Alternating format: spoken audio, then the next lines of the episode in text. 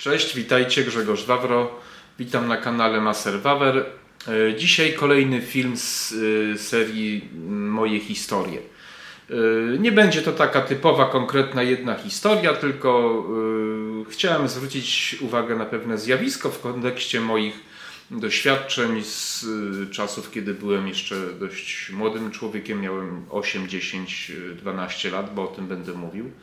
Skłoniło mnie do tego pewne takie, czy pewne takie doświadczenia, y, które mam na wskutek kontaktów i zawodowych i osobistych z ludźmi młodymi, y, czy taką starszą młodzieżą, czy też osobami, y, które już nie są młodzieżą, ale są jeszcze młodymi dorosłymi, jak również skłoniło mnie do tego nagrania, skłoniły mnie rozmowy z rodzicami dzieci, prawda? Czy w ogóle mm, z pewnymi takimi zjawiskami, które można również w mediach y, zaobserwować. No i kiedy już się kończy 50 lat w przyszłym miesiącu, to człowiek jest taki bardziej refleksyjny i, y, i zaczyna się zastanawiać, porównywać. I właśnie dzisiaj chciałem zwrócić y, pewną uwagę, taką, czy uwagę zwrócić na, na sprawę związaną z generalnie mm, samodzielnością, ale też taką,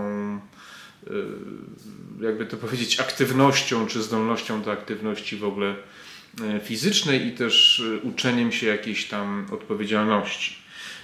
Wcześniej chciałem Was prosić o lajki, subskrypcje, komentarze do mojego filmu i właśnie o takie wspieranie mojego kanału, ponieważ to mi pomoże prowadzić dalej to, co robię z pasji po prostu dlatego że chcę, że lubię, że chcę się z Wami podzielić moimi doświadczeniami, czy namówić Was ewentualnie do zastanowienia się nad pewnymi, moim zdaniem, oczywiście ważnymi tematami. E, wracając do, do odcinka, e, mieszkałem sobie w takiej miejscowości mm, pod Przemyślem i tam e, taka rzeka płynie, górska rzeka, rzeka Wiar. To nie jest taka mała rzeka, ani taka płytka, w niektórych miejscach potrafi nawet 2 metry mieć głębokości.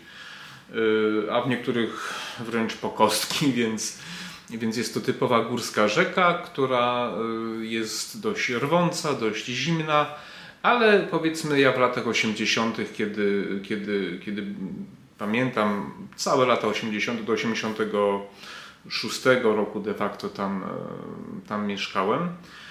Pamiętam, że nasze życie toczyło się przy tej rzece przez dużą część roku, bo to było zarówno chodzenie na ryby, wędkowanie, y, y, robienie ognisk, y, a w lecie oczywiście kąpanie się. Ja pamiętam, że my sami, chłopcy, oczywiście głównie, tak w zasadzie wyłącznie chłopcy, w wieku już od 8 do, do 12, do 13 lat, myśmy byli w stanie sobie sami zagospodarować ten teren. E, mieliśmy nawet nazwy, mieliśmy pierwszą skocznię, drugą skocznię i trzecią skocznię, tak się to nazywało. E, były to miejsca, które sami, bez niczyjej pomocy, przynosiliśmy nasze narzędzia, siekiery, łopaty, jakieś inne różne piły, jak trzeba było. E, rodzice nic nie mieli przeciwko temu, żeby było jasne. Wszyscy o wszystkim wiedzieli, nikt nikogo nie gonił, nikt nie miał żadnych wątpliwości, że, że można nam na to pozwolić. Zresztą nikt, nikt się rodziców też nie pytał, ale rodzice wiedzieli, bo to mała miejscowość, więc wiadomo. Więc my, myśmy byli w stanie sobie takie miejsce przygotować, wykarczować, powyci powycinać gałęzie, jakieś tam krzaki czy niewielkie drzewa, yy, powyciągać y, kamienie z wody, przygotować dno, prawda, żeby można było bezpiecznie skakać czy pływać w tej, w tej, w tej rzece, e, wzmocnić brzeg, nasypać po prostu z ziemi, z gliny takiej, taką skocznię, zrobić e, wzmocnienia drewniane, przynieść deskę, wstawić tą deskę, wzmocnić i to było i to działało. Przez całe moje dzieciństwo, pamiętam, te skocznie funkcjonowały. Pamiętam, że pierwsza skocznia to była taka no, dla takich mniej zaawansowanych, płytsza woda, tam raczej tacy, takie troszkę starsze dzieci, trochę powiedzmy tam 4, 6, może 8 lat przychodziły z rodzicami. E, na drugiej skoczni, tam gdzie myśmy chodzili, no to już było dla starszych, bo tam była głęboka woda, tam się wybijało z tych skoczni, leciało się do połowy rzeki i wpadało się na główkę do wody po prostu, prawda? Ale myśmy mieli świadomość tego, że to jest mm, że to może być niebezpieczne i, i, ponieważ jest to rzeka górska i ona potrafiła nanieść tych, tych kamieni, to były wielkie kamienie, to myśmy regularnie sprawdzali, czy tam jakiś kamień się nie dostał, a przed sezonem takim to było w ogóle przygotowanie, bo to Woda była najczęściej w okresie tym jesienno-zimowym większa, y, dużo, dużo zniszczeń. W zasadzie co roku trzeba było tą skocznię odbudowywać i w zasadzie całe kąpielisko, bo to nie tylko skocznia, tam było miejsce na ognisko. Także myśmy to wszystko sami robili. Mieliśmy po tych 8-10 lat i myśmy potrafili to wszystko samo, sami zrobić. Y, pamiętam kiedyś y, taką sytuację, że uznaliśmy, że mamy trochę za płytką wodę. Więc poszliśmy kilkaset metrów niżej, w okolice mostu, czy w zasadzie pod mostem, y, takim drogowym. I y, po prostu do połowy rzeki ustawiliśmy taką zaporę jakaś płyta betonowa, jakieś kamienie właśnie powyciągane, jakieś tam różne takie rzeczy, które tam po prostu gdzieś były. Zrobiliśmy do połowy rzeki zaporę i spiętrzyliśmy wodę, po prostu chcieliśmy sobie podnieść poziom wody i podnieśliśmy ten poziom wody, tam nie wiem, o 15-20 cm, to nie jest tak mało wcale. I po prostu wiedzieliśmy, co trzeba robić, mieliśmy pojęcie, mieliśmy zdolności techniczne, mieliśmy siłę. Sami wszystko to robiliśmy. Dzisiaj Wam mówię o tej rzece, o tym, e, przy, przy, mógłbym dużo więcej takich przykładów e, podawać. Ci ludzie często, e, czy większości mieli swoje gospodarstwa, pracowali na roli, mieli krzepę, mieli narzędzia, mieli wszystko. Ja też mieliśmy swoją działkę, nie mieliśmy pola. Ale, ale, ale też trzeba było fizycznie, fizycznie pracować. To było całkowicie normalne, szło się z pola, gdzieś tam ze zwożenia siana czy czegoś, szło się na rzekę wykąpać. I to było, tak? I to było i to funkcjonowało. W okolicach, pamiętam, mostu y, było przygotowane całe, taka, cały taki, taki stok y, zwału ochronnego i tam jak przychodził weekend, sobota, niedziela, to tam po prostu mnóstwo ludzi było na kocach i wypoczywało, opalało się, dzieci się kąpały, rodzice widzieli, tam było dość płytko właśnie w okolicach tego, tego mostu. I to było i to funkcjonowało. Kiedy teraz tam przyjeżdżam, wszystko jest zarośnięte, tam nic nie ma po prostu, tak? Rzadko tam bywam, ale jak już przyjeżdżam, to po prostu tam, tam gdzie myśmy mieli te swoje kąpieliska, tam nic po prostu nie ma. No. Nie, ma. Nie, wiem, nie wiem, czy ci ludzie się w ogóle kąpią w lecie, trudno mi powiedzieć, ale wiem, że ta rzeka była bardzo czysta i dość długo czysta, chyba nawet była na liście jednej z najbardziej czystych rzek w Polsce. Były zanieczyszczenia biologiczne oczywiście. Teraz po prostu nic, nic kompletnie. Więc dlaczego może się zastanowić taka sobie tam historia, nie sobie gość opowiada o, o, o tym, jak był dzieckiem i jak tam e, zapierdzielał fizycznie. Ja po prostu, mówiąc wprost, moi drodzy rodzice z mojego pokolenia i trochę młodsi, którzy na pewno pamiętacie te czasy, ja po prostu uważam, że większość dzieci w wieku 8, 10, 12 lat, wtedy kiedy myśmy zapierdzielali, są to osoby fizycznie niepełnosprawne dzisiaj, tak?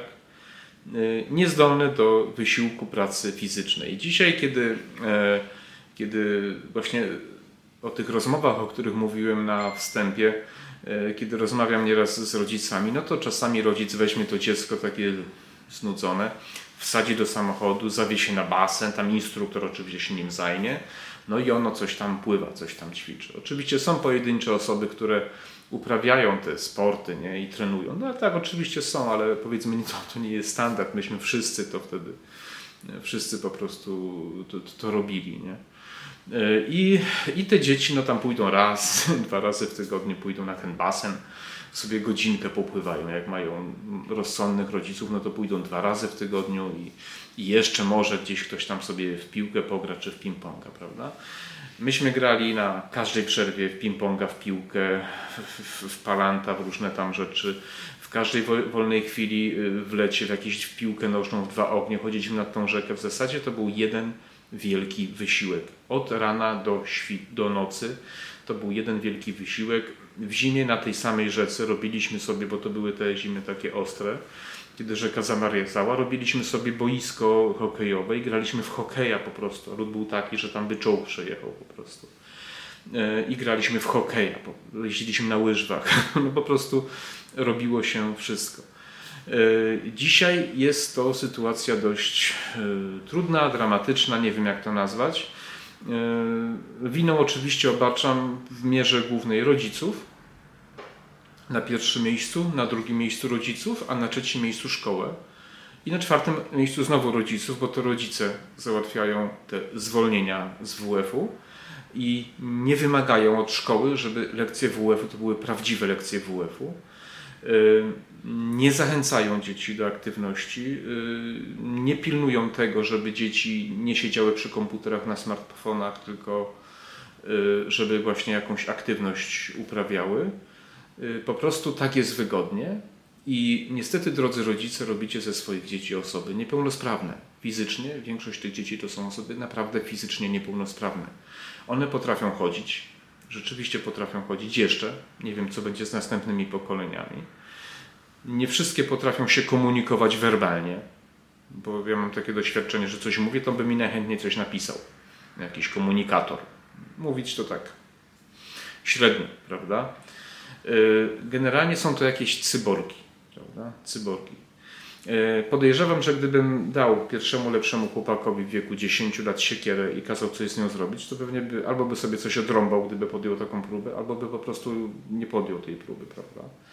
E, więc e, dlatego nagrywam ten odcinek, żeby zwrócić uwagę na bardzo groźną moim zdaniem zmianę cywilizacyjną, która nastąpiła w krótkim czasie przeraża mnie to, że te pokolenia teraz będą w przyszłości e, odpowiadały za los naszego kraju, e, będą podejmowały różne decyzje, a nie mają żadnych konkretnych doświadczeń w życiu. To znaczy na przykład takich, że aby coś mieć, to trzeba sobie zapracować, tak? bo myśmy się tego uczyli. Chcieliśmy mieć skocznie, to, to sobie ją zrobiliśmy po prostu, tak? bo chcieliśmy ją mieć. Dzisiaj gdyby dzieci chciały mieć skocznie, to w ogóle by nikt nie pozwolił kąpać się w takim miejscu jak my, prawda? To po pierwsze. Ale gdyby już jakimś cudem ktoś zdecydował się na takie coś, to musieli, musieliby przetarg zrobić, musiała być jakaś komisja, jakaś, jakaś inspekcja budowlana pewnie, czy tam wolno i tak dalej, i tak dalej. Ja przez całe moje dzieciństwo nie pamiętam, żeby się ktoś tam u nas utopił. Nie pamiętam, żeby ktoś sobie krzywdę w tej wodzie zrobił. Y, jeden chłopak się utopił w sąsiedniej wsi, ale to po prostu sobie gdzieś, nie wiem, pływał, czy zasłab, czy co tam dostał, ale to jedna osoba przez te wszystkie lata. Y, myśmy wiedzieli po prostu, co jest groźne i czego nam robić nie wolno, bo myśmy się uczyli tego po prostu, tak? Dzisiejsze dzieci przez to, że są tak chronione, y, przepraszam, bo coś chyba to kotek. Myślałem, że ktoś mi się do domu włamuje, a to kot. Więc dzisiejsze dzieci y, są po prostu y, y, nieprzystosowane i nie potrafią się zaadaptować do, czy nauczyć się. Myśmy po prostu się uczyli bezpieczeństwa, bo dzisiejsze dzieci nie uczą się zagrożeń. To chciałem powiedzieć. Przepraszam, tak wybiło mnie przez chwilę tam jakieś hałasy. Y, więc żeby się nauczyć unikania zagrożeń, to trzeba się z nimi konfrontować. My przez to, że używaliśmy tych siekierek, tych łopat, że wyciągaliśmy te kamienie, myśmy po prostu nabywali pewnych umiejętności. Gdyby dzisiaj wpuścić te dzieci do lasu jakieś takie w wieku 10 lat, no to nie wiem, one by chyba zginęły, bo ja wiem, jakby takim zabrać komórkę, dać nóż, siekierę, to nie wiem, co by zrobili. No nie wiem. My wiedzielibyśmy, co zrobić, tak? My wiedzielibyśmy, co zrobić, bo myśmy byli oswojeni e, po prostu no, ze zwierzętami również. Potrafilibyśmy pewnie nawet upolować coś, jakby trzeba było. Ponieważ no, żyło się na wsi, wiadomo, były uboje i tak dalej i, i, to, i to się robiło. E, więc, e, więc po prostu e, taki lekki odcinek, luźny odcinek, którym chciałem Wam opowiedzieć, jak wyglądało moje dzieciństwo w kontekście uczenia się samodzielności, radzenia sobie, rozwiązywania problemów i z całą pewnością to procentuje na całe życie, tak? Bo moje pokolenie y, rzadko myśli o tym, żeby ktoś coś za nas zrobił, tylko myślimy o tym, jak samo, sami rozwiązać jakiś problem zrobić, prawda? Dzisiejsze młode pokolenia za 20, za 30 lat pewnie będą dzwonić po pomoc, jak coś trzeba będzie zrobić. Zresztą już tak się dzieje, nie, nie ukrywajmy tego. Dzisiaj po prostu dzwoni się do firmy, firma przyjeżdża, robi co trzeba. Mm, No i tyle. Nie wiem, mam nadzieję, że Wam się spodobała ta opowieść. Yy, Myślę, że wielu z Was ma podobne doświadczenia i, i, i że yy, myślę, że po prostu no, yy, pewnie jak sobie przypomnicie, to zwłaszcza ci, którzy mieszkali na wsi, to na pewno, na pewno przypomnicie sobie takie, takie, takie, takie historie. Dziękuję za uwagę. Do usłyszenia, do zobaczenia w następnym odcinku. Cześć.